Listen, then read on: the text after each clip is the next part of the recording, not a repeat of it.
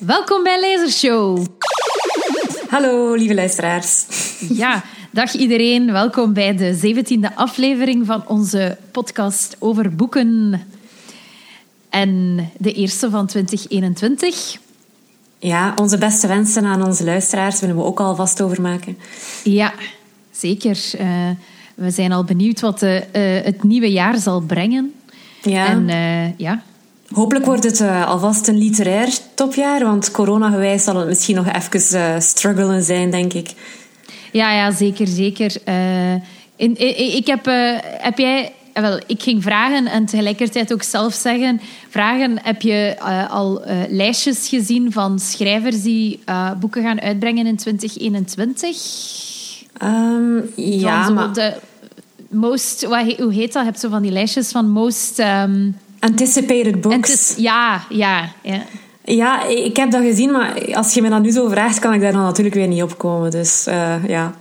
heb, heb, jij er misschien wel in je hoofd dat je zeker uh, wilt lezen dit jaar?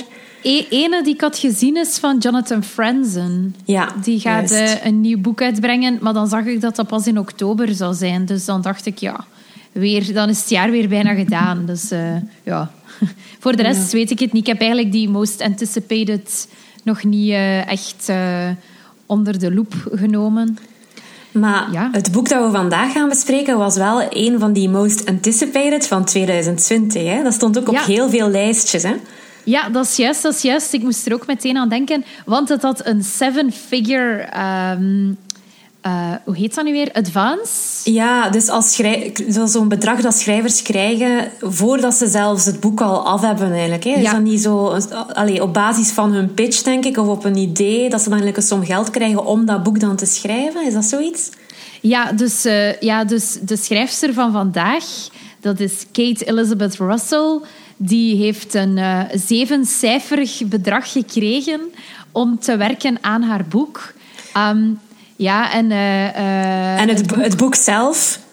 Ja, het boek zelf heet uh, My Dark Vanessa. Ja, en het is vertaald ook al in het Nederlands naar Mijn Duistere Vanessa. Ja, Mijn Duistere Vanessa. Ja, en um, ja, dus die... die waarom was het zo... Um, ja, de, geanticipeerd, of hoe moet je dat zeggen?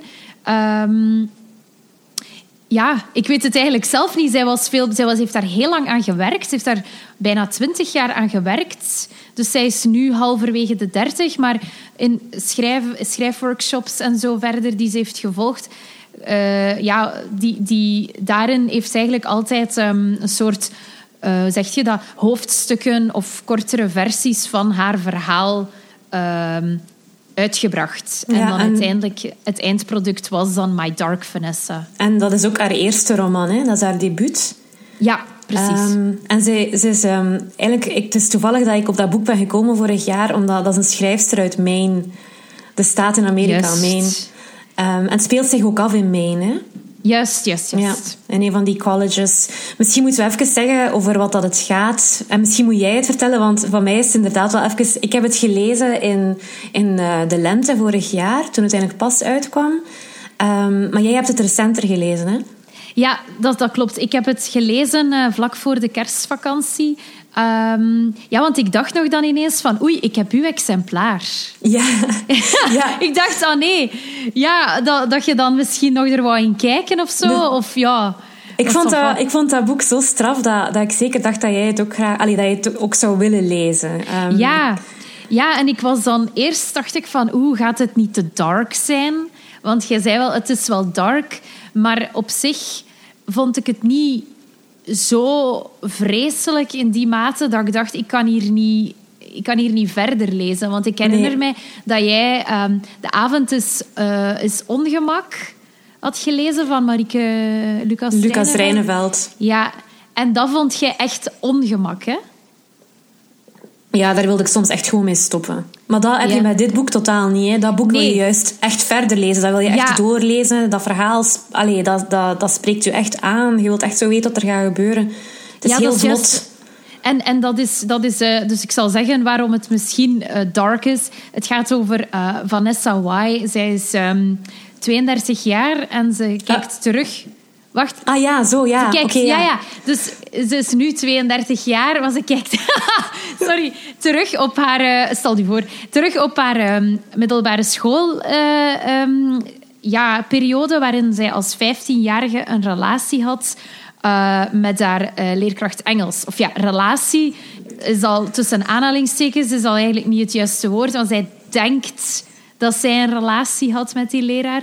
Of zij probeert het in haar hoofd zo te omschrijven, want die leraar was 42 jaar eh, en die ehm, heeft eigenlijk misbruik gemaakt van haar en haar ja, misbruikt ehm, doordat zij in een soort geïsoleerde positie stond eh, als meisje in die school. Ze had niet zoveel vrienden en eh, ja, die leraar zag haar op een bepaald moment als een, een perfecte prooi.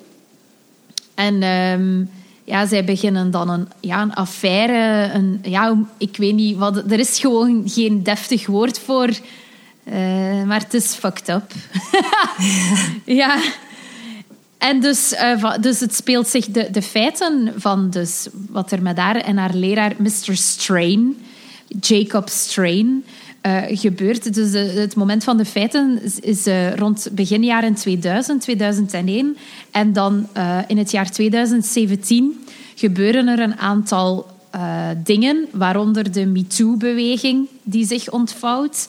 En ehm, Vanessa begint daardoor ook na te denken over wat er zich toen der tijd heeft afgespeeld. En begint dat eigenlijk in een ander daglicht te zien. Maar los daarvan, het is niet dat zij eh, als 32-jarige wakker wordt en denkt: Oh ja, ik, had, eh, eh, ik was verliefd op mijn leraar en we hebben van alles gedaan. Ik heb daar 20 jaar niet aan gedacht, of 15 jaar niet aan gedacht. Nee, haar leven is echt getekend door die hele periode. En ja, het stopt eigenlijk nooit. Haar leven is gewoon daardoor bijna gedefinieerd Ja. op een heel En ook het verhaal... manier. Wat blieft? Op een heel triestige manier eigenlijk. Ja. Ja, het verhaal is ook niet lineair verteld. Hè. Dus zoals dat je zei, als je het boek leest, dan spring je eigenlijk heel de tijd eh, een hoofdstukje in het, ja, in het nu, in onze recente tijd. Hè, waarin dat zij dan inderdaad al, al 30 is of zo. En ze werkt in een hotel. Ja. Ehm, maar haar leven is eigenlijk echt niet zo, ja, niet zo fantastisch eigenlijk. En ik denk, ze heeft ook nog een heel problematische relatie met mannen. ehm, dat ze soms, allee, dat ik zo dacht van oei, dat is eigenlijk helemaal niet oké, nog altijd niet. En Ja. ehm, dat, dan springt dat soms terug naar dan zo het verleden, waarin dat ze dat in een van die colleges zit of zo. Eh, een van die toch wel, allee, scholen denk ik, zo, een van de betere scholen denk ik wel. Eh, Ja, zo'n zij- prep school eigenlijk. Ja, zo, om voor te bereiden op de echte Ivy League colleges. Ja. Maar zij, zij hoort daar precies niet, niet helemaal bij, ook qua sociale klasse. Omdat haar ouders, die wonen dan zo eerder zo in de bossen van Maine. Dat zijn zo precies zo wat meer mensen die zo wat alleen, zo apart wonen of zo. Dus ook daar is inderdaad zo'n beetje geïsoleerd. En die leerkracht, eh, ehm, Jacob Strain, die merkt dat precies. En allee, he, he singles her out. En hij geeft dan zo in de les, geeft hij dan haar zo speciale aandacht. Of dan, als ik het me goed herinner, stelt hij dan zo een vraag over, wat was ehm, Edgar Allan Poe of Lolita, als ze dan lezen in de Engelse les. En zij kan daar dan zo... Ja, zij voelt zich dan speciaal eigenlijk, omdat hij haar eigenlijk aandacht geeft. En dan begint eigenlijk zo die destructieve ja, cyclus eigenlijk. Ehm, en, en er komen wel ook heel... Oké, het is het leest vlot en zo. En, en het is niet dat je moet stoppen, maar er komen wel een aantal momenten in toch dat ik dacht van... Oef, dat het zo wel heel ongemakkelijk is. Hè, als, als, ja, allee, degoutant of zo. Ja. Krijgt, het is, ik vind het eh, niet expliciet in... ehm, meestal is het niet heel expliciet geschreven... Eh, maar dan op bepaalde momenten wel, ja, dan denk je zo van, oh, en er komt toch, wel, toch nog wel wat seks in dan. En dan denk je zo van, oh, zo, je, je kunt je zo inbeelden hoe dat zij eh, ja, in een, in een hoek gedreven is eigenlijk. Maar ik kon dit mij juist niet zo goed inbeelden. Want ik vond ook zij als verteller... Dus hier in, dit boek is, is Vanessa... Allee, degene die wij... Vanuit ons perspectief zouden wij haar het slachtoffer noemen, eigenlijk. Hè. Zij is hier degene die het verhaal vertelt. Dus we krijgen haar versie van, van, van de feiten. En ik kon mij eigenlijk nooit helemaal met haar en haar manier van denken. Ik had echt zoiets van, uh, allez, ik kon mij daar niet mee identificeren. Ik, ik kon, omdat dat zo, hoe dat zij zich opstelde tegenover die oudere leerkracht, die oudere man, en hoe dat zij hem ook in het nu blijft beschermen vaak. En zo voor zichzelf, dat je zei, dat verhaal voor zichzelf vertelt van, ja, hij heeft mij niet misbruikt. Het, het was een, een, een, relatie echt en we waren even, evenwaardig. Voor mij was dat heel moeilijk om, om dit perspectief te lezen. Um, ja. Ja. Want ze is ehm, geen slachtoffer, hè. Ik heb ook achteraf gelezen... Allee, ze is niet een slachtoffer like dat we normaal een slachtoffer lezen. Normaal is een slachtoffer iemand met wie dat je medelijden hebt, um, voor, omdat er dingen gebeurd zijn, en, en iemand met wie dat je kan identificeren in, in het afzien. Maar bij haar is het, is, het is zo wat, ik vind het zo wat, wat dubbeler. En, en het is niet zo zwart-wit of zo. Nee, dat klopt. Wel, ik zou, ik zou haar wel zeker omschrijven als een slachtoffer als je de feiten bekijkt. Maar inderdaad, de manier waarop dat haar perspectief wordt belicht, ehm, maakt dat het meer dat, die, dat deze roman meer de grijze zones opzoekt van wat is toestemming en wat is macht en, en waar, ja, hoe, hoe, hoe gaan zulke dingen en, en ja, omdat zij ook, door het feit, zoals dat je zegt, dat ze zelf het definieert bijna als een relatie, vind ik dat je doorheen het verhaal tot op een bepaald moment, niet heel het boek, maar in het begin dat je zo ergens, ik weet niet, dat in een strain dan altijd zegt dat ze zo speciaal is voor hem en dat je dan gelijk hem toch een beetje gelooft of zo. En dan denk ik, shit, hoe gaat dat? Hoe, hoe, als, als ik als lezer hier dat al, daar al in meega in die toxische energie van die een, die een leraar. Hoe, hoe moet dat dan niet zijn voor, voor zo'n leerling van 15? Ja. Dat hij zo... Ik weet niet hoe ik het moet zeggen. Ja, je, ja dat, dus het is niet zo van... Zij is ook niet, het is ook niet tof of zo, hè? Nee, maar wat ik bedoelde met dat ze zo geen slachtoffer is, natuurlijk ja, van de feiten, zoals dat je zegt, zeker wel. Hè. Maar ik bedoel, ze is niet zo het, het goede slachtoffer. Ze, nee. Ze is, ik, allee, er is een passage dat ik, dat ik had opgeschreven. Um, ik ga het even voorlezen. Hè. Het is wel in het Engels. Uh, driven toward it, toward him. I was a kind of girl that isn't supposed to exist, one eager to hurl herself into the path of a pedophile. But no, that word isn't right, never has been. It's a cop out, a lie in the way it's wrong to call me a victim and nothing more. He was never so simple, and neither was I. Dus ze zegt eigenlijk van, ja, ik was eigenlijk het soort meisje dat eigenlijk in onze maatschappij, allee, um, ja, is not supposed to exist, niet zou, niet zou mogen bestaan. Want ik, allee, ik zat zo hard met mezelf in de knoop ook, zegt ze, dat ik mezelf eigenlijk op het pad van die pedofiel bracht. Maar dan zegt ze direct ook, ja, het woord pedofiel, dat, dat, is, allee, dat is eigenlijk een verkeerd woord en, en dat wordt ons opgedrongen. Uh, dus, maar ze is natuurlijk ook een, een, een verteller, ja, ze is niet betrouwbaar ook als verteller, hè. Mm Zij kijkt ook met een bril terug natuurlijk naar, naar die periode. En het is een, een, heel onbetrouwbare verteller. Ja, ik denk ook dat als, als Vanessa um, haar, de periode, of eigenlijk haar leven, zou bekijken als een van slachtofferschap, dat ze dan gewoon zichzelf van kant zou maken. Nu probeert ze op een manier een soort gelijkwaardigheid in die affaire te zien. Waardoor dat ze kan zeggen, het was mijn eigen keuze en ik, ik wist wel wat ik deed. Om dan er een soort er beter mee om te kunnen. Want als je weet, shit, ik heb mij laten gebruiken. Ik, want ja, dat, dat, de psychologie die daarmee gepaard gaat met die confrontatie, dat is gewoon, dat maakt je kapot.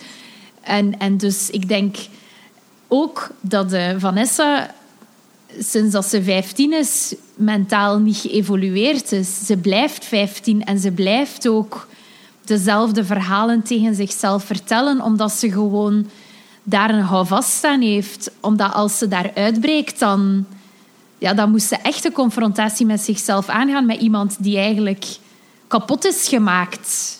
Ja, dus een strategie, strategie van, van overleven ook, denk ik. En, en een strategie van om te gaan met wat er maar um, gebeurd is eigenlijk. Hè? Ja, ja. Uh, ja, de, dat is uh, ja, heel heftig. Um, ja. Want Ik, eh, je- ja, zeg maar. Nee, zeg jij maar. Ah nee, ik had een, ik had een aantal vragen om te, om te, te bediscussiëren eh, over, over het verhaal. Dus, Oei, ehm, maar ik weet hoop, niet of ik dat hoop, we... ik hoop dat Ja. ik ze ga kunnen beantwoorden. Want ja, Nee. ik heb het dus niet kunnen herlezen. Het is Ah, jouw ik denk niet. dat ik niet En- goed ben voorbereid. Nee, e- eigenlijk voordat we verder gaan, weet ik niet of dat we nog iets verder over de inhoud moeten vertellen, zodat mensen die het boek niet hebben gelezen ook nog kunnen volgen. Ik zou er niet te veel meer over vertellen. Ik denk dat we het concept wel hebben uitgelegd. Ja, wel, ja. Wat ik misschien wel nog dacht... ehm, ik heb dan wel nog een beetje over het boek gelezen, om toch een beetje voorbereid te zijn. Ehm, de controverse die er rond ontstaan is, vind ik misschien ook wel interessant om even aan te halen. Eh, Absoluut. want Oprah Winfrey die, had dit boek eerst op haar lijst gezet, want ze heeft zo'n boekclub, hè, Oprah. En dan heeft ze uiteindelijk besloten om het boek er ook van te halen door die controverse. Ehm, en eh, heb jij het ook opgezocht of heb jij het ook gelezen? Ja, wel, ik wist, niet, ik wist niet zeker, want ik heb hier van alles inderdaad ook opgezocht over die controverse. Ik dacht dat, ehm, maar ik, misschien ben ik fout, hè. dus dat Oprah had ehm, eh, het boek American Dirt van Janine Cummins dat, op een boeklijst gezet. En ehm, dat, dat boek was dan van die lijst ook verdwenen. Maar dus hetzelfde is gebeurd met Dark, My Dark Vanessa. Daarna dan, ja. Daarna. Ja, ja, oké, oké. Misschien... Ja, zeg jij maar eerst. Ik- We zullen daarna aanknopen met die American Dirt. Ah, wel, ik denk, eh, ja, ik heb, het, ik heb het vorige week opgezocht, maar er was, ehm, er was denk ik een vrouw, eh, en was het een, een zwarte vrouw? Ik weet het niet meer. Die... Een, een, ehm, ja, eh, ze is Latinx. Ah, oké. Ja, dus en zij ehm, kwam eigenlijk met, met, met het verhaal ehm, dat zij ook zoiets heeft meegemaakt als, als, jongere, of als jongere vrouw als meisje. En daar een boek over had geschreven ook. Maar dat dat heel moeilijk is geweest om dat gepubliceerd te krijgen. Dat ze daar verschillende uitgeverijen mee had gedaan. En dat dat, dat precies geen verhaal was. Of, dat, of dat, de- dat ze iedere keer werd afgewimpeld. Uiteindelijk is het dan wel gepubliceerd geweest. En zij beschuldigde dan eigenlijk Kate Elizabeth Russell van plagiaat bijna. Omdat er dus bepaalde dingen in, in het boek My Dark Vanessa ook gebeuren in ehm, de memoires eigenlijk, in het verhaal van die vrouw. En zij, Ja. zij ehm, plaatst dat dan eigenlijk ook in, in het eh, verhaal dat ja, als, als een... een ehm, een a woman of color met dit verhaal komt, dan is het niet interessant. Is het niet interessant voor de literaire markt. Maar als een witte vrouw dat boek schrijft over een oudere man die met een meisje iets begint, dan is het ineens eh, wel eh, interessant om te publiceren. Wordt het zelfs op Oprah Winfrey's boeklijstje gezet. Krijgt ze zo grote financiële bedragen om eraan te schrijven. Wordt het een van de most anticipated novels van 2020. En dat, ik denk dat ik het zojuist vertel, anders moet je mij verbeteren. Dat was eigenlijk de controverse. Ja, dat klopt. Ehm, en dus die, die vrouw, ehm, ze heet Wendy eh, C. Ortiz. Juist, Ortiz. Ja, en haar, haar boek heette Excavation. En ehm, eh, het was een, bij, bij die Wendy was het een memoire. Dus dat dan een non-fictie-genre is. En eh, ik heb de tweet die de, de vlam in de pijp heeft gestoken opgezocht. En het was eh, dus die Wendy zei...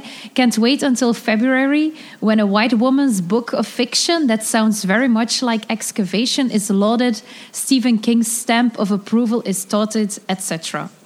En Ja. dus, ja, ik denk die Wendy ehm, was inderdaad be- kwaad. Oh, maar ik denk dat ze heel veel discussies door elkaar haalt. Hè. Dus ten eerste de discussie over dat inderdaad eh, mensen met een migratieachtergrond of African-American auteurs minder ehm, in, de in de publishing, eh, in de boekenwereld vertegenwoordigd zijn wordt dan gemixt met ik heb een memoire en die Kate Elizabeth Russell schrijft een roman, alsof dat dan Elizabeth dat had verzonnen. En dan ook nog eens de, ehm, de discussie van, van... Wacht, wat, heb ik nu als, wat wou ik nu als derde zeggen? Ja, ik denk dat dat de twee dingen zijn die door elkaar worden gehaald. Ja. Ja, want op een Dus- gegeven moment is ehm, Elizabeth, of Kate Elizabeth Russell heeft dan ook gezegd van kijk, er zijn wel met mij ook dingen gebeurd. En dan dacht ik, ja, ze wordt hier eigenlijk bijna geforceerd om te zeggen dat er vroeger in haar jeugd ook dingen gebeurd zijn. Eh, door die hele controverse moet ze precies zichzelf bewijzen. Ja. Ehm, dus dat, dat vond ik, ik vond het allemaal heel raar toen ik erover aan het lezen was. En ik snap beide kanten wel. Ja, ik ook, ik ook. Maar ik denk dat, dat het gewoon een beetje ongelukkig is. Dat dan uh, ook nog eens dat gevoelige thema daardoor gemalen zit. Want allee, die Wendy heeft, heeft een punt inderdaad van dat, dat zij ondervertegenwoordigd wordt. En, um, maar maar uh, dan, dan moest inderdaad die, daardoor Russell naar buiten komen en zeggen: Oké, ik heb er een roman van gemaakt.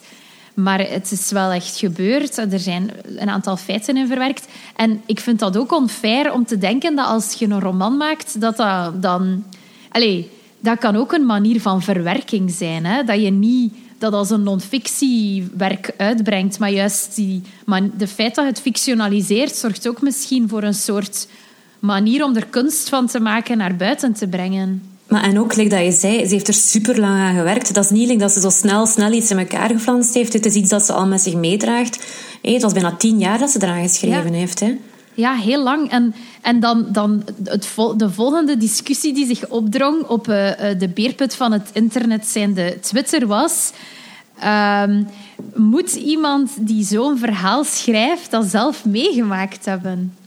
Dan begon het daarover, over de experience van, van, ja. Dat vind ik gewoon absurd, uh, om, om even eerlijk te zijn. Want ik heb, hey, om mij voor te bereiden op deze aflevering, heb ik Lolita herlezen, omdat dat een heel belangrijk boek is.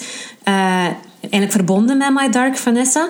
En ja, dan zou je zeggen dat Nabokov, Vladimir Nabokov, de schrijver van Lolita, omdat hij daar eigenlijk het verhaal van de pedofiel vertelt, dat hij zo'n dingen zou moeten gedaan hebben voordat hij dat boek kan schrijven.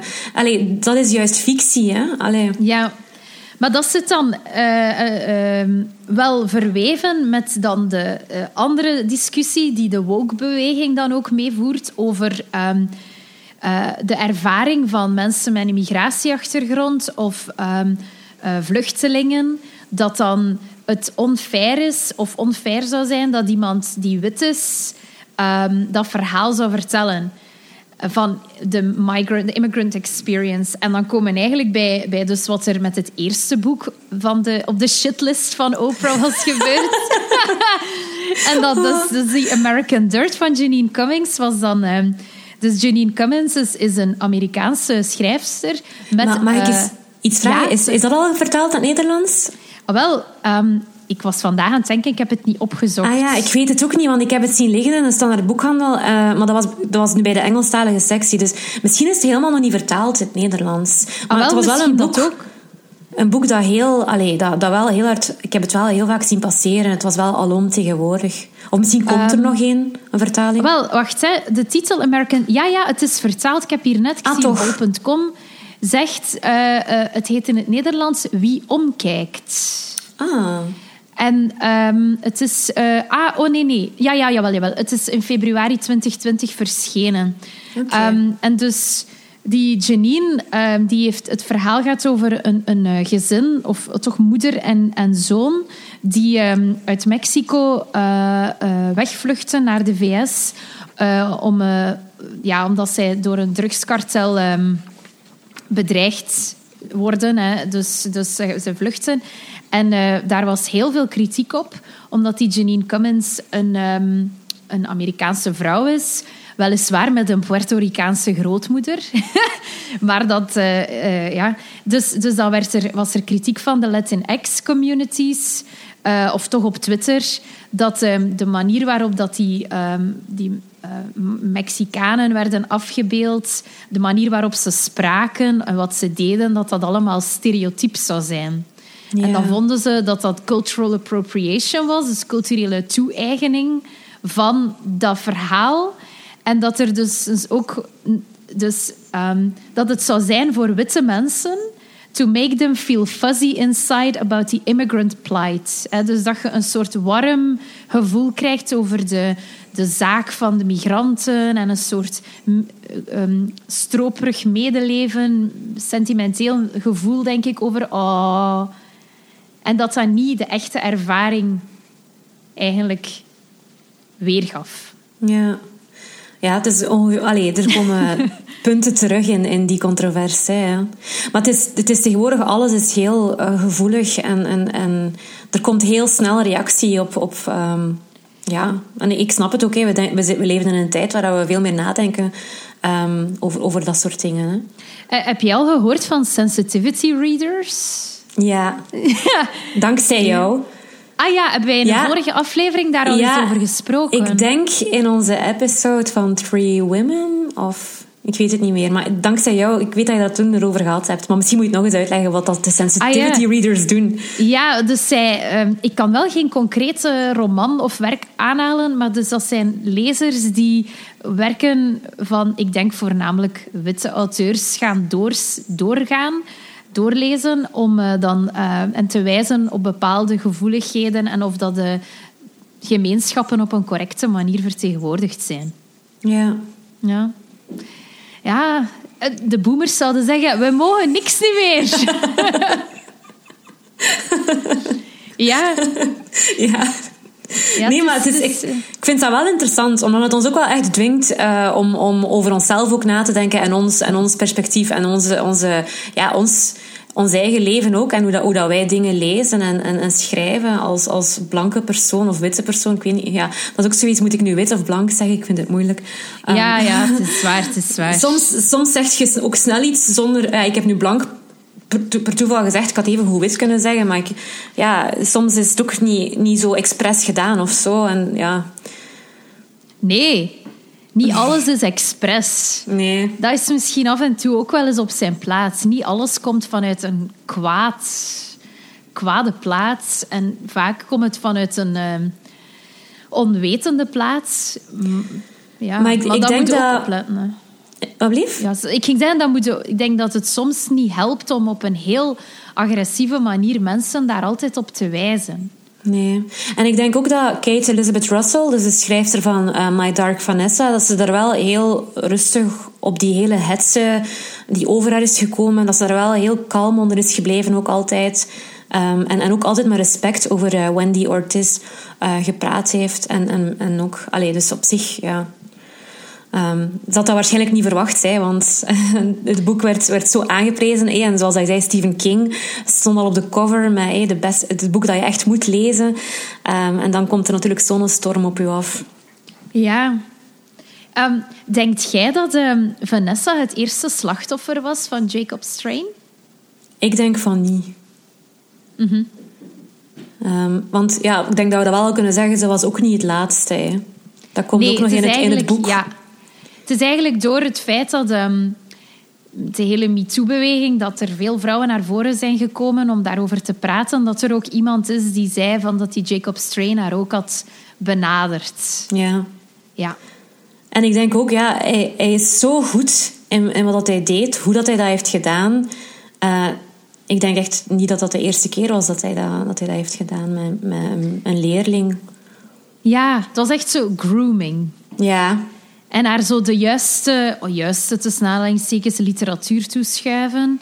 Wat, wat ik echt raar, raar vond. Want ik weet niet. Dus hij geeft haar dan Lolita. Maar dat is echt zo... Dat is echt foos. Als je, want ik heb nu... Ik heb het lang geleden gelezen, maar ik had dan voor onze podcast... Was er weer in begonnen. En de manier waarop dat die, die praat over dat kind van 12 jaar is echt zo is echt voos. Ik snap dat ook niet. Dat, want dus... in, ja, misschien moet ik even zeggen, in My Dark Vanessa geeft hij dan dat boek aan haar om te lezen over Lolita. En dan, er zijn natuurlijk ja, er zijn echt raakvlakken tussen My Dark Vanessa en Lolita. En de schrijfster, uh, Kate Elizabeth Russell, um, die heeft ook dat boek zelf gelezen toen ze 14 jaar oud was. Um, en in het, in het boek is uh, Lolita het eerste boek dat Jacob Strain uh, geeft aan Vanessa. Um, en eh, ja, ik heb een interview gelezen met, met de schrijfster, dus met Kate Elizabeth Russell, um, dat ze eigenlijk door Lolita te lezen um, op die leeftijd, uh, dat ze eigenlijk vooral focuste op het hopeloze en op het trieste van um, dat Lolita-figuurtje. En dat ze ook zichzelf in dat boek herkende, misschien met wat dat ze ook heeft meegemaakt. Maar ook dat dat Lolita-archetype, dus een, een jong meisje dat zogezegd een oudere man zou verleiden, dat dat zo in onze cultuur uh, hoe zeg je dat, in bed, dat het er echt zo in zit. Uh, en dan verwijst ze zo bijvoorbeeld naar Britney Spears, weet je nog? Hey, hit me baby one more time. In die clip, dat ze zo als schoolmeisje met die, met die vlechtjes en haar buik bloot, dat dat eigenlijk echt zo, ja, die, die schoolgirl video, dat, dat dat zo dat archetype ook heel lang ja, versterkt is in onze cultuur. En, en dat zij ook vertelde dat als, als kind of meisje, ja, als je zo op die rare leeftijd zit, dat je er zo nog tussen de twee bent, dat ze merkte dat mannen opeens met een andere blik naar haar begonnen te kijken. Terwijl dat zij zelf toen nog de wereld als, als een kind zag, maar dat ze door die blik van die mannen op straat en zo, ja, opeens beseft van oei, de wereld is opeens anders of zo. Mm maar dat dat haar ook wel een, een, een, gevoel van power gaf. Dat ze opeens voelde van ik heb hier, ik heb macht of zo. Um, en, en ook een, een gevoel van gevaar kreeg daardoor. Ja, ja, dat, dat doet mij denken aan dat die Vanessa ook, als ze dan naar huis gaat, ze zit op internaat en dan gaat ze naar huis en dan probeert ze in de supermarkt en zo ook naar mannen te staren en zien, zien wat er gebeurt. Terwijl ze ook 15 is of zo. Want jij, heb jij Lolita gelezen toen je ook tiener zelf was? Of wanneer heb jij Lolita van uh, Nabokov voor het eerst gelezen? Um, denk als ik, als ik 17 of zo was. Ja. In het Nederlands. Ik heb hem hier liggen, daar een sticker op Boekenbeurs 2006. ja, maar dus er is mij daarvan, buiten dat ik het goed vond, is er mij niet zoveel bijgebleven. Ik heb, dat, ik heb dat ook gelezen toen ik zelf ja, in, in uw tienerjaren... Um, en het viel mij nu ook op. Uh, in het begin van het schooljaar uh, had ik een nieuwe klas leerlingen. En ik vroeg ook zo een beetje van stel u zelf voor.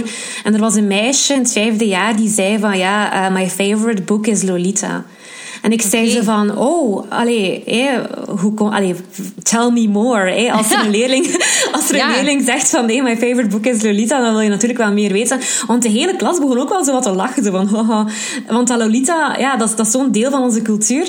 Ehm, en ze zei van, ja, dat komt door Lana Del Rey. Want uh, Lana Del Rey, de, de zangeres, die uh, is blijkbaar ook obsessed door um, de Lolita dat beeld van, allez, van, van dat meisje. En ze heeft ook in, in verschillende liedjes heeft ze references naar Lolita gestoken. Ze heeft zelfs een liedje dat Lolita noemt. En dat was daardoor dat mijn leerling eigenlijk Lolita had leren kennen en dat boek dus is beginnen lezen. En ik dacht van ja, ik zelf heb dat eigenlijk ook gelezen toen ik tiener was. En, en ja, het was daarom dat ik wou weten van, heb jij dat ook toen in, in je tienerjaren gelezen? Omdat het ook echt gaat... Lolita, even voor de mensen die het niet gelezen hebben, het gaat eigenlijk over, over een meisje, Dolores, die um, verleid wordt door Humbert Humbert. En hij is eigenlijk de verteller. Hij is een, zo, eigenlijk zo het archetype van een slechte Europeaan die in Amerika woont. Ja, en, ja. Uh, ja, maar dat is zo. Hè. Hij komt zo de Amerikanen corrumperen. En hij, uh, hij is eigenlijk de, de lodger. Dus hij komt bij Dolores en haar mama in huis een kamer huren uh, in een klein stadje waar dat hij dan les moet geven aan de universiteit. En uh, de mama van Lolita is eigenlijk ook in hem geïnteresseerd. en, maar hij, vanaf dat hij Lolita voor de eerste keer ziet, is hij volledig geobsedeerd. Maar we weten dat, dat Humbert Humbert ook een verleden heeft. dat hij in het verleden ook een, een soort van ja, een, een, relatie gehad heeft met een, met een meisje, Annabelle, in Frankrijk nog toen. En dat heeft hem eigenlijk voor de rest van zijn leven um, een soort van obsessie gegeven door jonge meisjes die eigenlijk, hij noemt ze de nymphets. Dus als ze zo nog in, in between zijn, dus niet echt kind niet meer, maar ook niet echt vrouw. En hij is er echt door geobsedeerd. En vanaf het moment dat hij Lolita ziet in de tuin, de eerste keer is het bonk erop. En um, wordt het echt vuil eigenlijk, hoe dat hij erover schrijft. Maar hij trouwt eerst met zijn moeder eigenlijk. Um, en dan begint hem... Ja, de mama wil dan eigenlijk Lolita op, boarding school, in de kostschool steken. En dat wil hij niet, want zijn hele plan was eigenlijk om zo dicht mogelijk bij Lolita te kunnen zijn en blijven door dat huwelijk. En dan begint hij zelfs te denken om die vrouw te vermoorden. Um, uiteindelijk is dat niet nodig en sterft die mama vanzelf. Dat is eigenlijk nog maar echt het begin van het verhaal dat ik vertel. Er. Uh, en dan komt hij dus met Lolita... Uh, hij is dan zogezegd haar, haar voogd, haar vader... En dan heeft hij heel veel macht over haar. En um, ja, hij, hij, liegt ook in het begin tegen haar dat haar mama gestorven is. Hij vertelt dat niet. En hij neemt haar eigenlijk mee op een roadtrip door Amerika. En dan ja, um, maakt hij, al ja, misbruikt hij haar eigenlijk volledig. En zo, allee, ik ga niet te veel vertellen voor de rest van de plot. Uh, want het is eigenlijk best wel spannend ook. Um, ja, dat is eigenlijk het verhaal van Lolita. Het boek van Nabokov. Ja, juist, juist. Ja, ja ja, en dat is... ik, uh, ik weet niet hoe, hoe, dat ik daarover dacht toen, dat ik, die, toen dat ik 17 was. Ik weet nog dat ik het moeilijk vond. Ik verstond niet alles. Ik heb heel veel nuances niet verstaan. Want er was dan ook die achtervolging van die andere oude vieze man, die Quilty. Uh, ik weet niet of je dat nog weet. En, en... Daar zit ik. Ik ben zo gisteren er weer in begonnen. Ik zit nog maar aan... Uh, mijn e-reader zegt 15 procent. Ah, ja. ja. Ja, dus ik had heel veel dingen niet door of, of niet gesnapt. En als ik dan, nu heb ik het dus herlezen en, en um, ook de vuilheid kon precies wel harder binnen, denk ik, dan toen. Ja, ja ik, um, ik heb het toen ook in het Nederlands gelezen, maar ik heb dan nu het uh, in het Engels uh, gelezen. Allee, een stuk al. Um, ja, uh, ik denk maar, inderdaad dat als je ja, zeg maar. Misschien gewoon, want wat ik ook een belangrijke nuance vond in My Dark Vanessa is Vanessa 15 jaar oud. Wat dat ik eigenlijk al een verschil vind, want in Lolita is Dolores of Lo of Lolita, hij heeft dan zo'n heleboel koosnaampjes voor haar. Het, het, in het begin van het boek is ze 12 jaar. Dus dat vind ik echt wel nog een groot verschil. Ja. Een kind van 12 of een kind van 15. Ja, maar, en, maar die um, David Strain probeert dat ook op die manier te verkopen aan haar. Hè? Ja. Hij, hij, probeert daarmee een, een hele um, verhouding te vergelijken. Want op een bepaald moment zegt zij daar iets over, over Humbert. Humbert, negen jaar. En hij zo, negen jaar alsjeblieft, zeg. Toch geen negen jaar. Hij, hij gaat daar dan zo tegenin, denk ik. En um, ik vind dat eigenlijk... Ja, het klopt inderdaad dat, dat, dat hij... Um, uh, dat, dat, dat hij vindt dat er weliswaar misschien een, klein, een verschil is tussen een kind van 12 en een tiener van 15. Maar op een bepaald moment um, is um, Vanessa hem ontgroeid. Ja, ze is en dat komt geworden. ook omdat hij valt op, deze, op die jonge tieners. En uh, dat, vind ik, dat vind ik dan vuil dat hij doet Um, alsof dat hij. Um... Ik ga even wachten. Pauline, ben je er nog? Ja, je was even ah, ja. Okay. Ja, ja, ça maar het is niet erg. Het is niet erg. Dat, zijn uh, de, was... dat zijn de joys van podcasting uh, over in coronatijd. Ja. Nee, dat, dat, vind ik zo, dat vind ik zo geniepig en vuil ook daaraan. Dat hij dan uh, doet alsof dat wat hij doet, dat dat eigenlijk misschien wel binnen een grijze legale zone zou vallen. Terwijl Ja. dat ook zo draait om macht. En ook dat hij duidelijk maakt dat hij vooral in haar geïnteresseerd is omdat ze zo jong is. Want dat vind ik dan vuil. Hij zegt dan tegen haar van... Uh, uh, you'll get sick of me. You'll be the one to break my heart, you know. You're holding me in your little hands. Maybe you'll break me, I say, zegt Vanessa dan. En hij zegt, nee, nee, Vanessa, when we say goodbye, it won't be painful for you. You'll be ready to be rid of me. The rest of your life will stretch out ahead of you. It'll be exciting for you to move on. You're going to do incredible things. You'll write books, traipse around the world. En dat is zo een leugen, want ten eerste, um, zij, hij, hij laat haar... Allez, zij voelt zich helemaal niet alsof dat ze zich losmaakt van hem. Hij heeft daar volledig mentaal in zijn macht. En hij, is tired of her. Ze proberen dan ook later, hè, dus, dus alle, voor jarenlang blijven ze nog in contact. Dan is er een heel raar moment als ze in de twintig is, dat hij toch weer fysiek ook toenadering heeft tot haar. En dan, dan lukt dat niet meer voor hem fysiek. Hij kan niet meer opgewonden geraken, want ze is niet meer, niet meer zo jong. Ze is niet meer zo'n een Lolita, ja. En, en, en hij, dat vind ik echt het felste ooit. Dat hij dan, als ze in de vakantie thuis is, dat hij dan altijd s'nachts naar haar belt. En dat hij op een bepaald moment dan tegen haar zegt van... Uh, je moet zeggen, I love you, daddy. Ja, dus juist. dat hij dan... Dat hij dan ah, wacht, ik ga het even... Ik, ik, zo... Um, wacht, hè. Uh, hij zegt dan zo: Will you do something for me? I want you to say something. Just a few words. Will you do that? Will you say a few words for me? I open my eyes. Okay, okay. En dan, um, okay. I want you to say, I love you, daddy. For a second, I laugh. It's so, it's just so ridiculous. Daddy. I don't call my own father that. Can't even remember calling him that, but as I laugh, my mind flies out of me and I don't find it funny anymore. I don't find it anything. I'm empty, gone. Go on, he says. I love you, Daddy. just once. En dat is zo, zo walgelijk. Ja. Want ik, heb- ik vraag mij af, dus, dus die strain heeft dan ook ehm, zich laten ehm, eh, castreren. Ja, hoe moet je dat zeggen? Eh, ja, Zich onvruchtbaar maken. hè? ja. En, en ik vraag mij, hoe, hoe, ziet jij dat? Waarom heeft hij dat laten doen, denkt jij? Eh, ik, ja, ik denk dat er sowieso twee aspecten zijn. Eén, denk ik, ja, als je ooit kinderen hebt en je bent aangetrokken tot kinderen, ja, dat is redelijk problematisch. Ehm, ik denk dat dat ook is waarom, waarom, allee, waarom dat hij dat heeft gedaan. Omdat hij nooit allee, zich aangetrokken zou moeten voelen tot zijn eigen kinderen. En natuurlijk ook ja, als zij inderdaad met meerdere meisjes naar bed gaat. En wie weet, als, als zij al allee, ongesteld zijn, dat, hij ook geen, allee, dat zij niet zwanger kunnen worden, bijvoorbeeld ook. Hè. Dat denk Juist, ik. ah ja, daar had ik nog niet aan gedacht. Ja, ja. Ja. Ik, ik, ik, vroeg, ik dacht ook dat het was omdat hij ergens beseft dat hij een monster is. Ja, zeker. En dat hij diegene niet wil verder, dat hij geen kinderen wil maken, geen genen wil verder zetten. Ehm, en ook misschien om vrouwen af te blokken. Volwassen vrouwen die misschien een kinderwens hebben, dat hij die al dan dat, dat die al uit zijn zone vallen of Ja, zo. ja dat, kan, dat kan ook. Ja. Er, er kunnen zeker meerdere... Ik denk dat dat allemaal wel een beetje speelt, waarschijnlijk. Ja, Want eh, ja, wat ik ook... Wat ik zo, eigenlijk vond ik het ehm, heel interessant om eerst My Dark Vanessa te lezen en dan Lolita nu terug te herlezen. Omdat we eigenlijk... Wat dat de grote frustratie is als je, als je Lolita leest, is dat je alles ziet vanuit Humbert Humbert zijn gore, perverse ehm, geest. Ondanks dat dat prachtig geschreven is hè, van Nabokov. Die, die passages, als ze zo door die American Heartland gaan en hij, hij, hij spreekt over de staten en met, met die auto, je ziet het zo voor je. Dat is echt bijna lyrisch.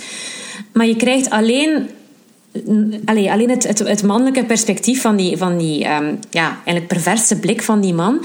En Lolita of Lo, ja, ze is gewoon een soort van, van klankbord voor hem. We krijgen nooit haar verhaal, nooit haar echte point of view. Soms wel zo haar reacties, maar dan weten we ook van ja, ehm, Humbert Humbert is ook een onbetrouwbare verteller. Hij gaat ons ook niet alles eh, vertellen zoals het gebeurd is, want ondertussen is er een rechtszaak tegen hem, dus hij is ook zo'n beetje daarmee bezig. Ehm, en dus ik vond het heel interessant om dan My Dark Vanessa te lezen, omdat we daar dan eigenlijk het perspectief krijgen van eh, het slachtofferfiguur eh, of van het Lolita-figuur, die eigenlijk haar versie eigenlijk eens mag vertellen na zoveel jaren dat we dat beeld krijgen van het kind-meisje, eh, dat, dat de oude man verleidt. Want dat vond ik in Lolita het ongeloofwaardigste is dat ze eindelijk, um, Humbert Humbert vertelt ons dat Lolita hem verleid heeft om seks te hebben. De eerste keer dat ze seks hebben, is het het, het kind zelf van 12 jaar dat hem blijkbaar, ze heeft een ervaring gehad op summercamp met een jongen en ze, ze, ze vertelt hem daarover en dan verleidt zij hem. En dat Ja. vond ik echt... Allee, als ik dat las nu, natuurlijk met mijn 21... Allee, met mijn blik, ik had echt zoiets van... I don't buy it. Ehm, ja. Ja, tuurlijk. Ja, en ook, ze is twaalf. Ja. Allee, bedoel, je, zijt, je weet echt nog niet wie dat je zijt. Je zijt echt nog... Er is een... Oké, die je zou kunnen zeggen, de grens van 18 of 16 is willekeurig bijna getrokken. Ze moeten ergens een grens trekken, maar serieus, dat is... Je zijt zo... allee, als je denkt aan je 15-jarige zelf, wat, wat weet je al? Wat, wie dat... Ah. En dan daar misbruik van maken, dat, vind, dat is zo pervers. Van zo, Ja. zo een, on, hoe zeg je dat, een onbeschreven blad. Iemand die alle indrukken ja, als de, voor de eerste keer nog moet meenemen en moet dingen ervaren. Dat is echt zo... Ja, je hebt zo'n gedicht van, eh, ik weet niet van wie, van ik ween ehm, om bloemen in de knop gebroken. Eigenlijk zijn dat is zo eh, uit een gedicht, eh, ik weet niet meer van, ik zal het een keer moeten opzoeken. Maar dus, dus eigenlijk, ik zie dat dan zo, dat, dat, is- dat, dat kind of die zijn nog aan het groeien en jij fnuikt die. Jij- in hun, in hun, in hun ja, onwetendheid nog en in hun... Ja, Je pakt er niets af, hè. ja, Ja. ja. Ja, ik, ik vroeg mij ook af... ehm, heb, je, heb je een van de verfilmingen gezien van Lolita? Toevallig? Uh, nee, uh, ik heb uh, naar de trailer gekeken een paar dagen geleden. ja, dat wordt ook zo, zo, zo in die van Stanley Kubrick. is dat 1962 of zo? Ja. daarin, daarin wordt Lolita echt ook afgeschilderd als zo'n verleidelijke jonge vrouw en die totaal niet zo jong eruit ziet. Die ziet er zo twintig uit of zo. Maar dat, daar, ja, ah, wel, dus dat, was blijkbaar ook een probleem. Ze konden toen, hé, doordat Hollywood toen nog zo streng was, konden ze niet een meisje van 12 casten in zo'n ja, zo'n problematische um, verhaallijn. Dus was dat, zo nog met de Haze, de Haze Code?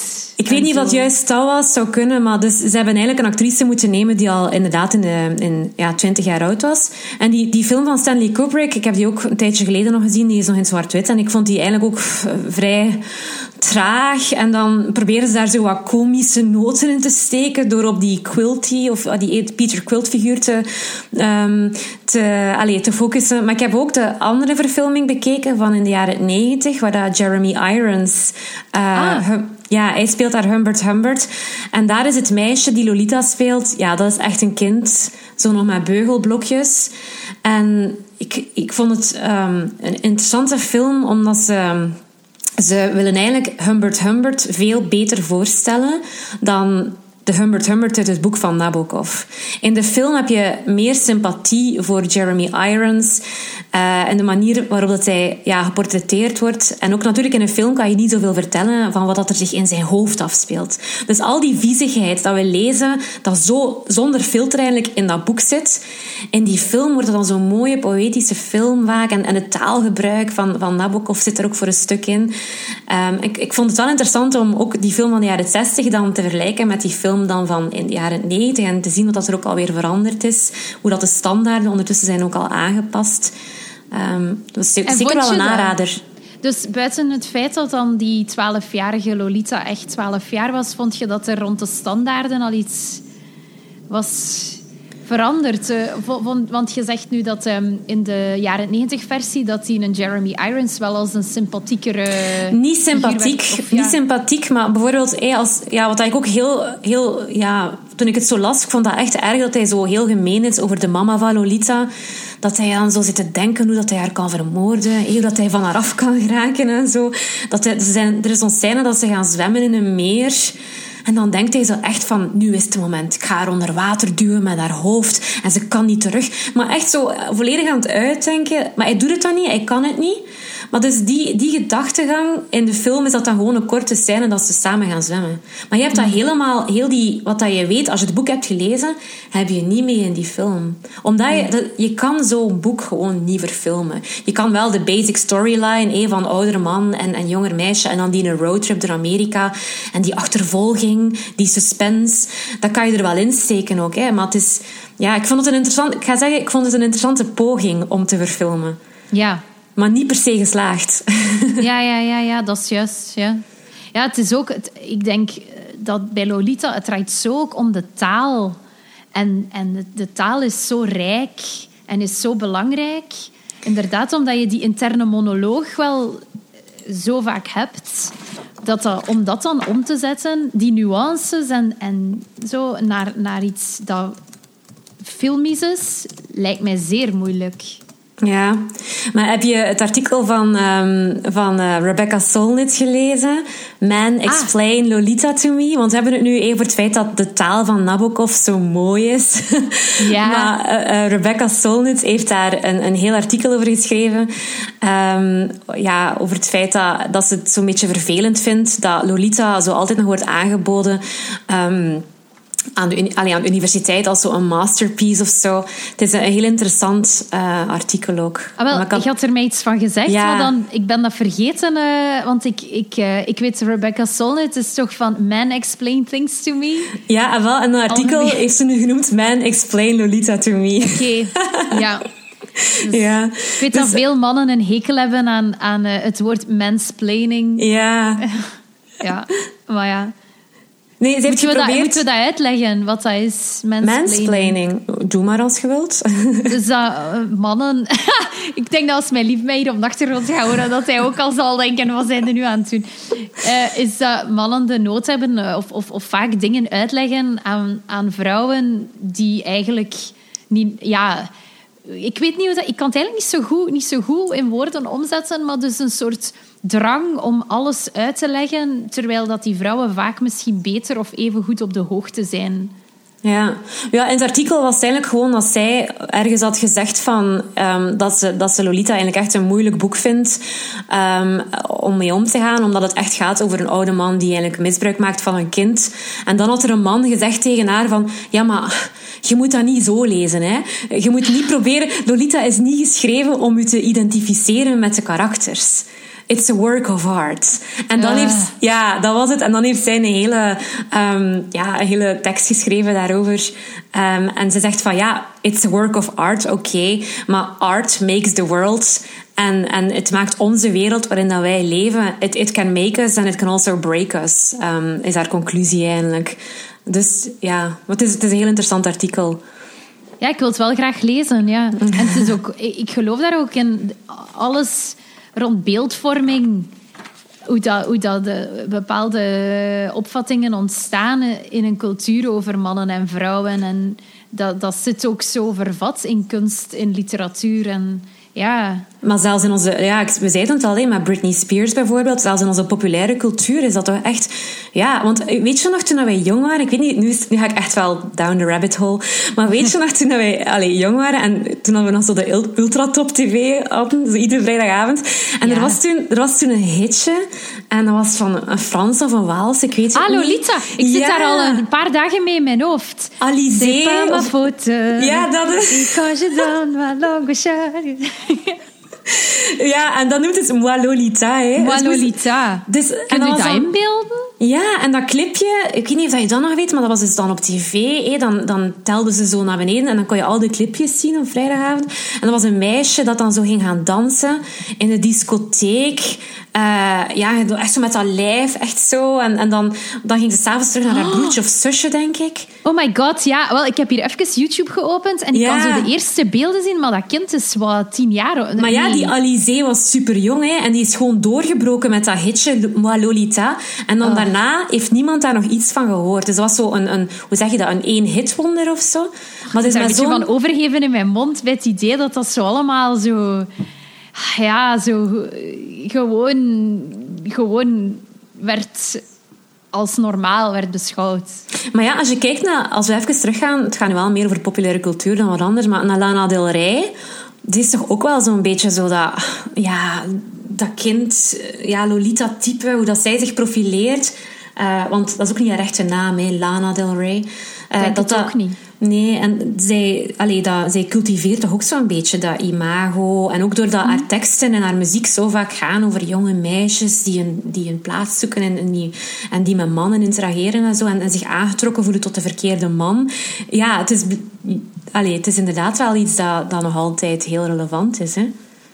Ja, ook als je, als je die ehm, covers opzoekt van Lolita, ehm, dan zijn die vaak ook heel sensueel. Alsof dat, dat gaat over zo... Alsof dat dat dingen is. Hoe heet dat nu weer, die boeken? Met zoveel seks. Zo... ehm, De bouquetreeks of zo. nee, nee, ik bedoel zo... Dat, die, die boeken met zo... Die ook films zijn geweest. Man, ik, ik, ik heb gelijk een gat in mijn geheugen. Ah, ja, Fifty Shades. Ja, dat. dat. dus het, als je die covers opzoekt, dus dan, dan krijg je zo... Ja, eh, lippen... Want ook die cover die ik heb van in 2006 is ook zo... ehm, de Nederlandse versie van De Bezige Bij is zo een cover met dan een meisje, haar mond... En eh, dus je ziet bijna volledig haar mond en zo, dus zo'n stukje van haar gezicht... Of andere covers zijn dan van die film, dat zo met zo'n lollipop of een lipstick. Ja, en dan die hartjesbril. Hè. En die In hartjesbril. In die film van Stanley Kubrick, eh, denk ik de eerste keer als we Lolita of Dolores zien, heeft ze die hartjesbril en zit ze zo'n magazine te lezen terwijl ze aan zo'n lekstok aan het lekken is.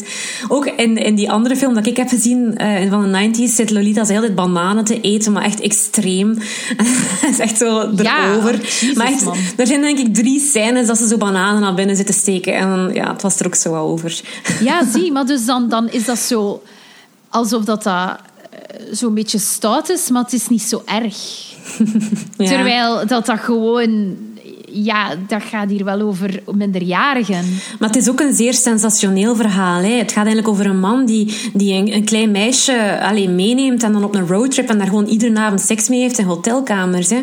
Als dat nu zou gebeuren, is dat, allee, dat is voer voor de, voor de tabloids. Voor, allee, dus het is een heel sensationeel verhaal. En dat is ook denk ik de allure waarom dat veel mensen daar ook met een verkeerde, ehm, een verkeerde hoe zeg je dat? Een verkeerd, ja, een verkeerd idee aan beginnen, denk ik. Ze willen dat lezen omdat ze, allee, doordat het een beetje trashy is, denk ik, ondertussen. Ja, en dat is toch... Ja, zo, zo van, oeh, spannend. Ja. Eh, maar ik ben, als ik dan de cover zie van, van Penguin van nu... Ik weet niet of dat je het kan zien. Ja.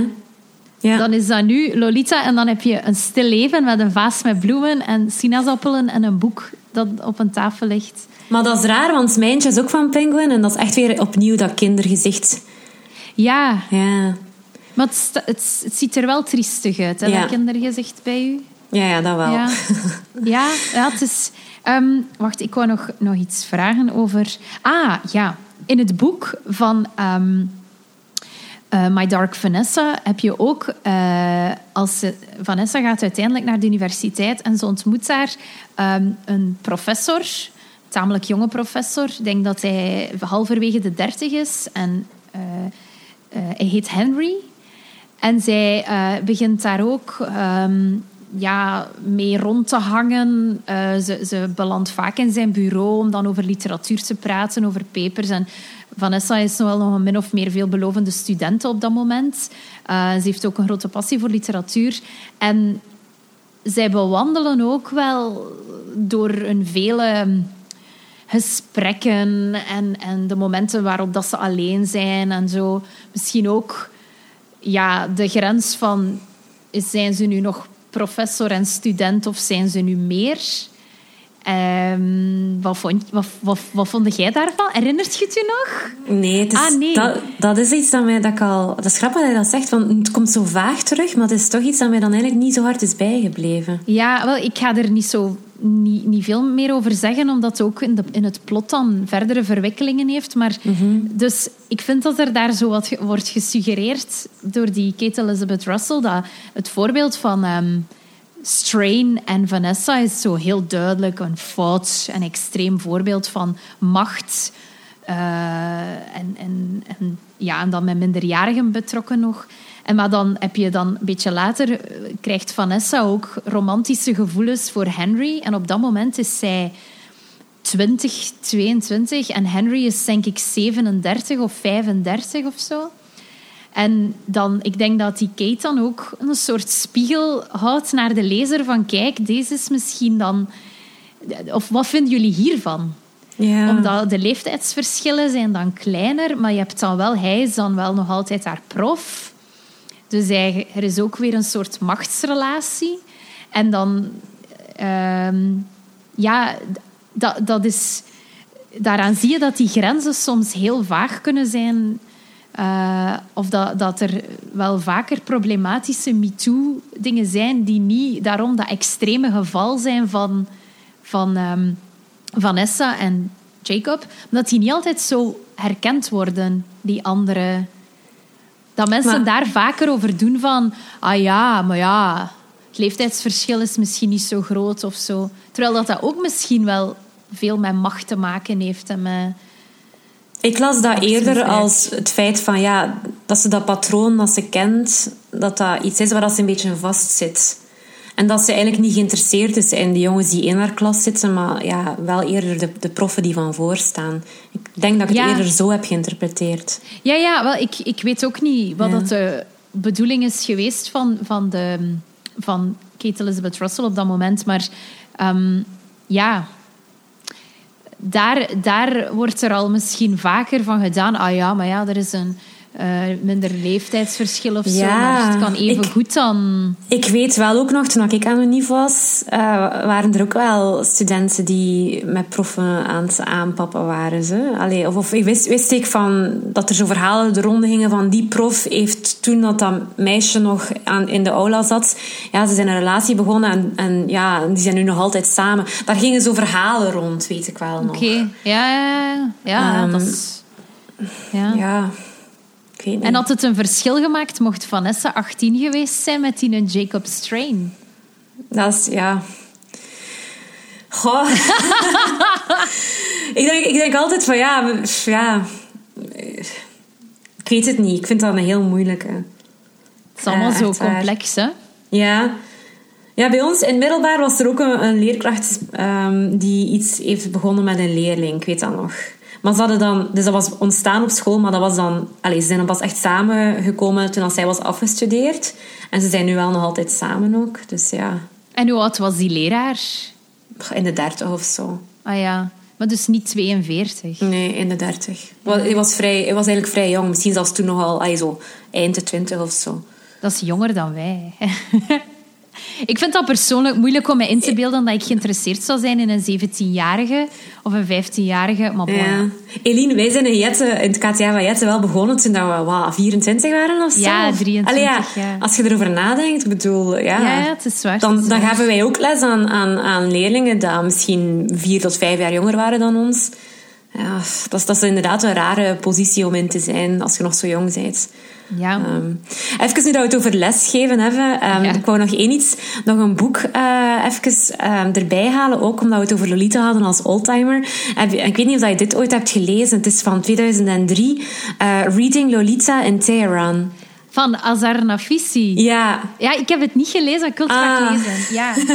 ja, dat is eigenlijk een, een memoir van, van, ehm, ja, van Nafisi, van Azar Nafisi. En dat was ook een New York Times bestseller. En het is ook vertaald in ik weet niet hoeveel talen. Ik denk in, in 33 talen. Het was echt een heel populair boek. En da- daarin ehm, gaat het eigenlijk over ehm, Azar, die eh, in eh, Iran woont, eh, of de, de Islamitische Republiek dan. En ze start... eh, ah, het gaat over verschillende dingen. Ook, ook haar immigratie naar Amerika dan. Ehm, eh, en hoe dat het is om daar als vrouw onder dat regime eh, te, te wonen en les te geven aan de universiteit, want ze wil dan haar hoofddoek niet dragen en zo. Dus het gaat ook allemaal daarover. Maar het, de titel komt eigenlijk omdat ze een leesclub start in eh, Iran. En dan lezen ze eigenlijk westerse klassiekers met ehm, Iraanse vrouwen.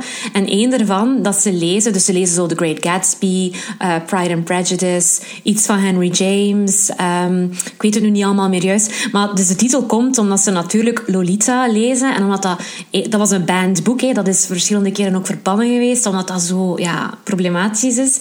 En daar... ehm, identificeren die vrouwen die dat boek dan lezen zich eigenlijk met Lolita.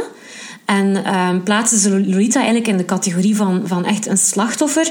En ze noemen haar een dubbel slachtoffer. Omdat, ehm, omdat ze eigenlijk... Humbert Humbert steelt haar leven, eigenlijk dat we zeggen. Hij, hij pakt haar jeugd van haar af, haar ervaringen. Maar doordat hij de narrator is van het verhaal, pakt hij ook haar verhaal af. Dus, ze, ze, ze, dus daarom noemen ze haar eigenlijk een, een, een double eh, victim, omdat ze nooit de kans krijgt om haar eigen verhaal te vertellen. En die Ja. vrouwen, ja, die, die zeggen dan zo van...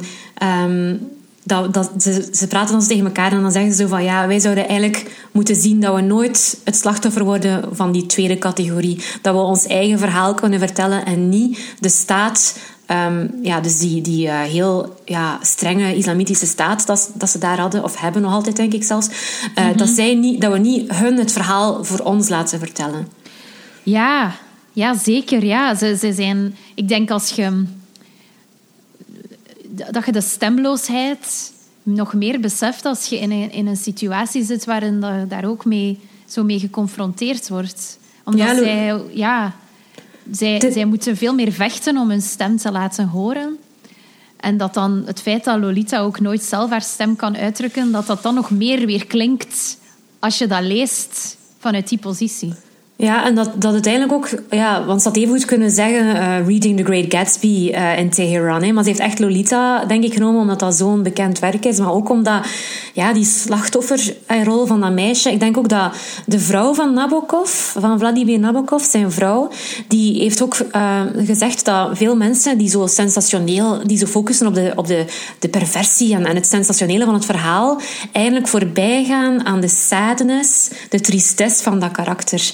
En dat, dat Nabokov dat er wel ook echt heeft ingestoken, maar dat de mensen die dat boek lezen vanuit een, met een verkeerde ja, beeld eigenlijk, dat die daar dan zo aan voorbij gaan. Mm ja. En, en, en dat Lolita hier in dat boek, die memoire van, van um, Azar Nafisi, dat dat eigenlijk een soort van metafoor is, ja, zo beeldspraak eigenlijk voor, voor hoe dat de staat, de islamitische staat, ook vrouwen een verhaal opdringt en, en hun verhaal afneemt. Zoals dat Humbert Humpert eigenlijk deed bij uh, Lolita. Ja, doet mij ook een klein beetje denken, als we dit nu zeggen, aan Hamlet, omdat daarin dan de Ah, vrouw ja. van Shakespeare ook een stem Ook haar verhaal.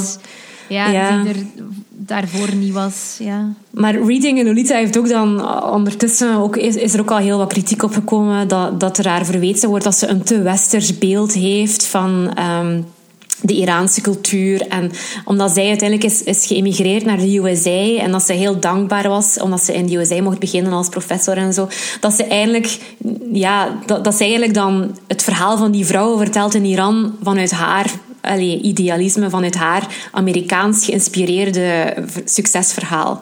Dus dat, allee, weer al, je weet, eh, eerst, allee, Het is het, is, nooit het is nooit goed. Er gaat altijd kritiek zijn vanuit een of andere hoek. Ja, inderdaad. Ik weet niet of Ja. dat je had gehoord nu, ik, omdat je nu zo spreekt over Amerika, Iran, dat, ehm, dat Iran, ik weet niet hoeveel vaccins heeft geweigerd en ze gaan die niet gebruiken, omdat die door, ik denk het Pfizer-vaccin, of ik weet niet welk vaccin precies, dat dan Amerikaans ge, ge- ont, on- ontwikkeld is. Maar dus eh, ze zien daarin dan ja, het slechte van de VS, dus ze gaan die vaccins niet, ehm, niet toedienen.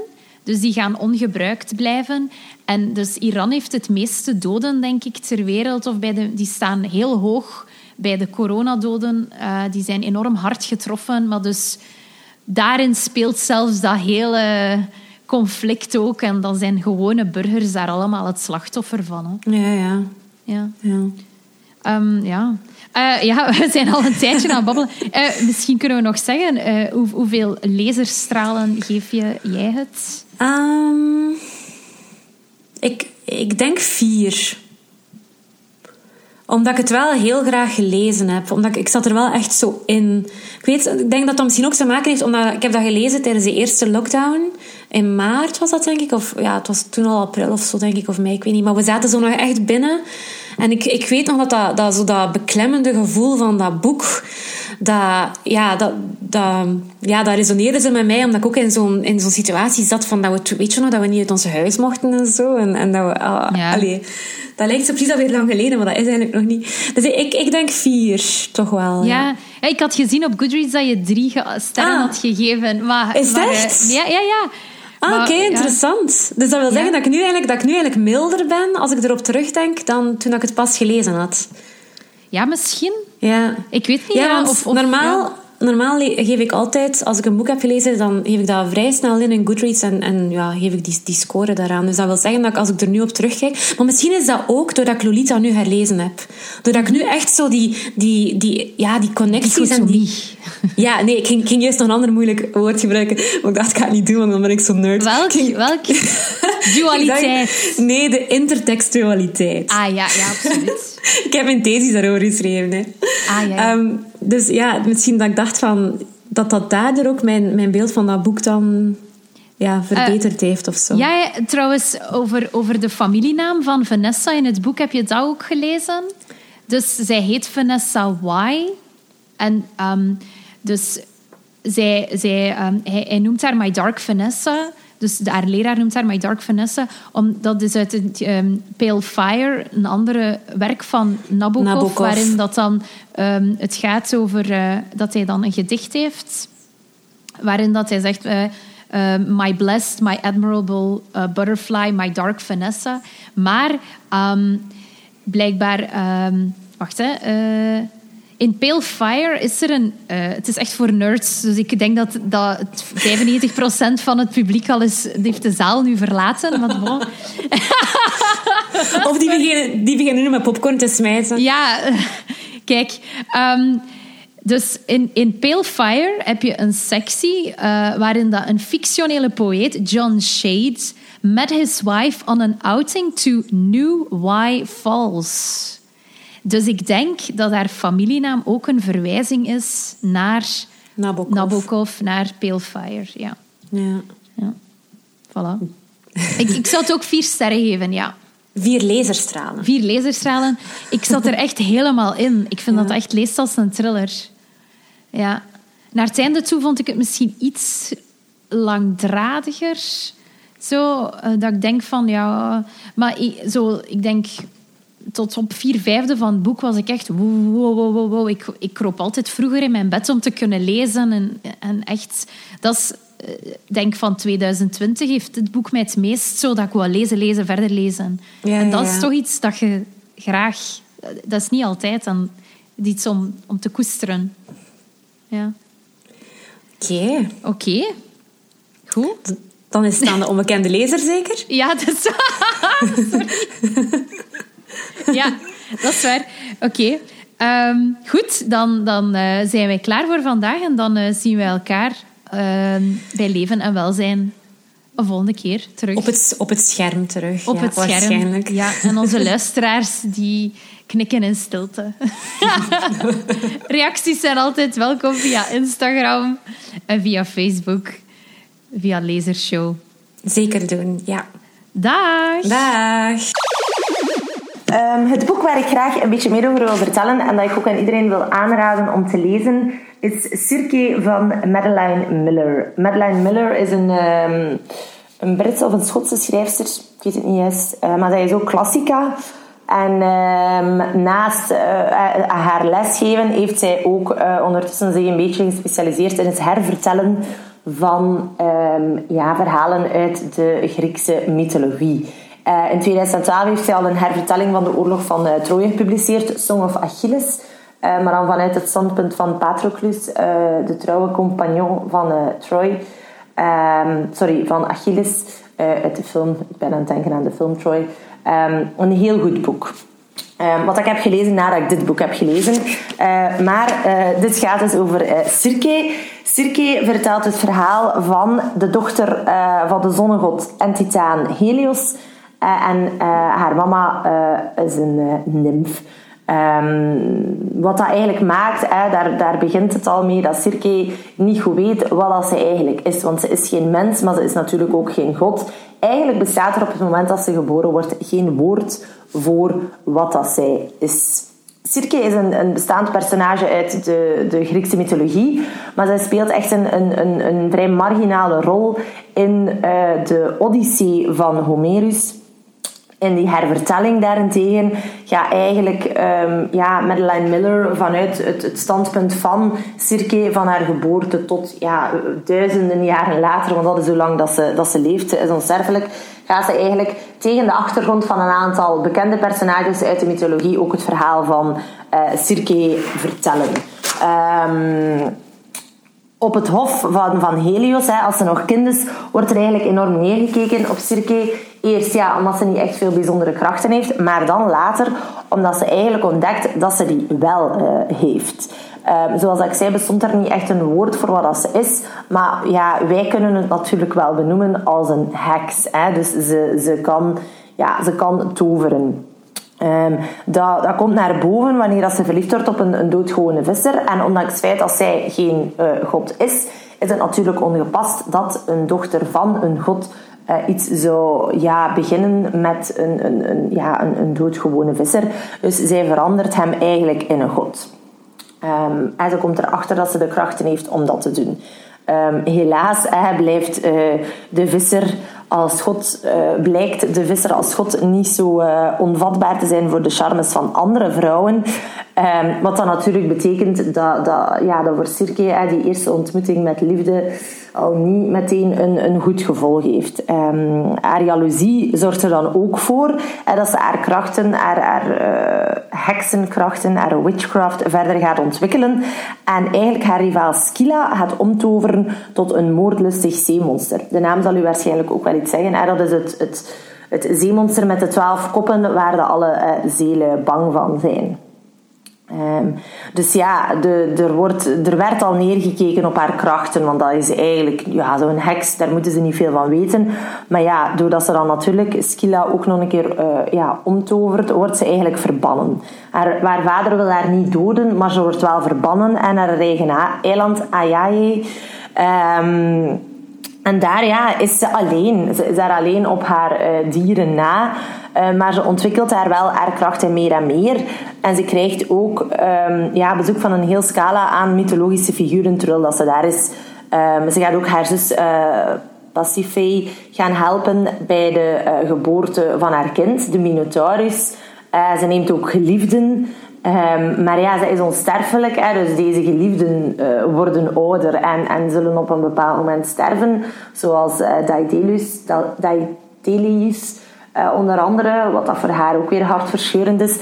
En dan ja, neemt ze ook Odyssee als geliefde en die heeft heel veel tijd bij haar doorgebracht op haar eiland. Ik denk twee jaren, dat komt ook wel voor in de, in de Odyssee. Dat is een van de vele obstakels die hij zo gezegd tegenkomt.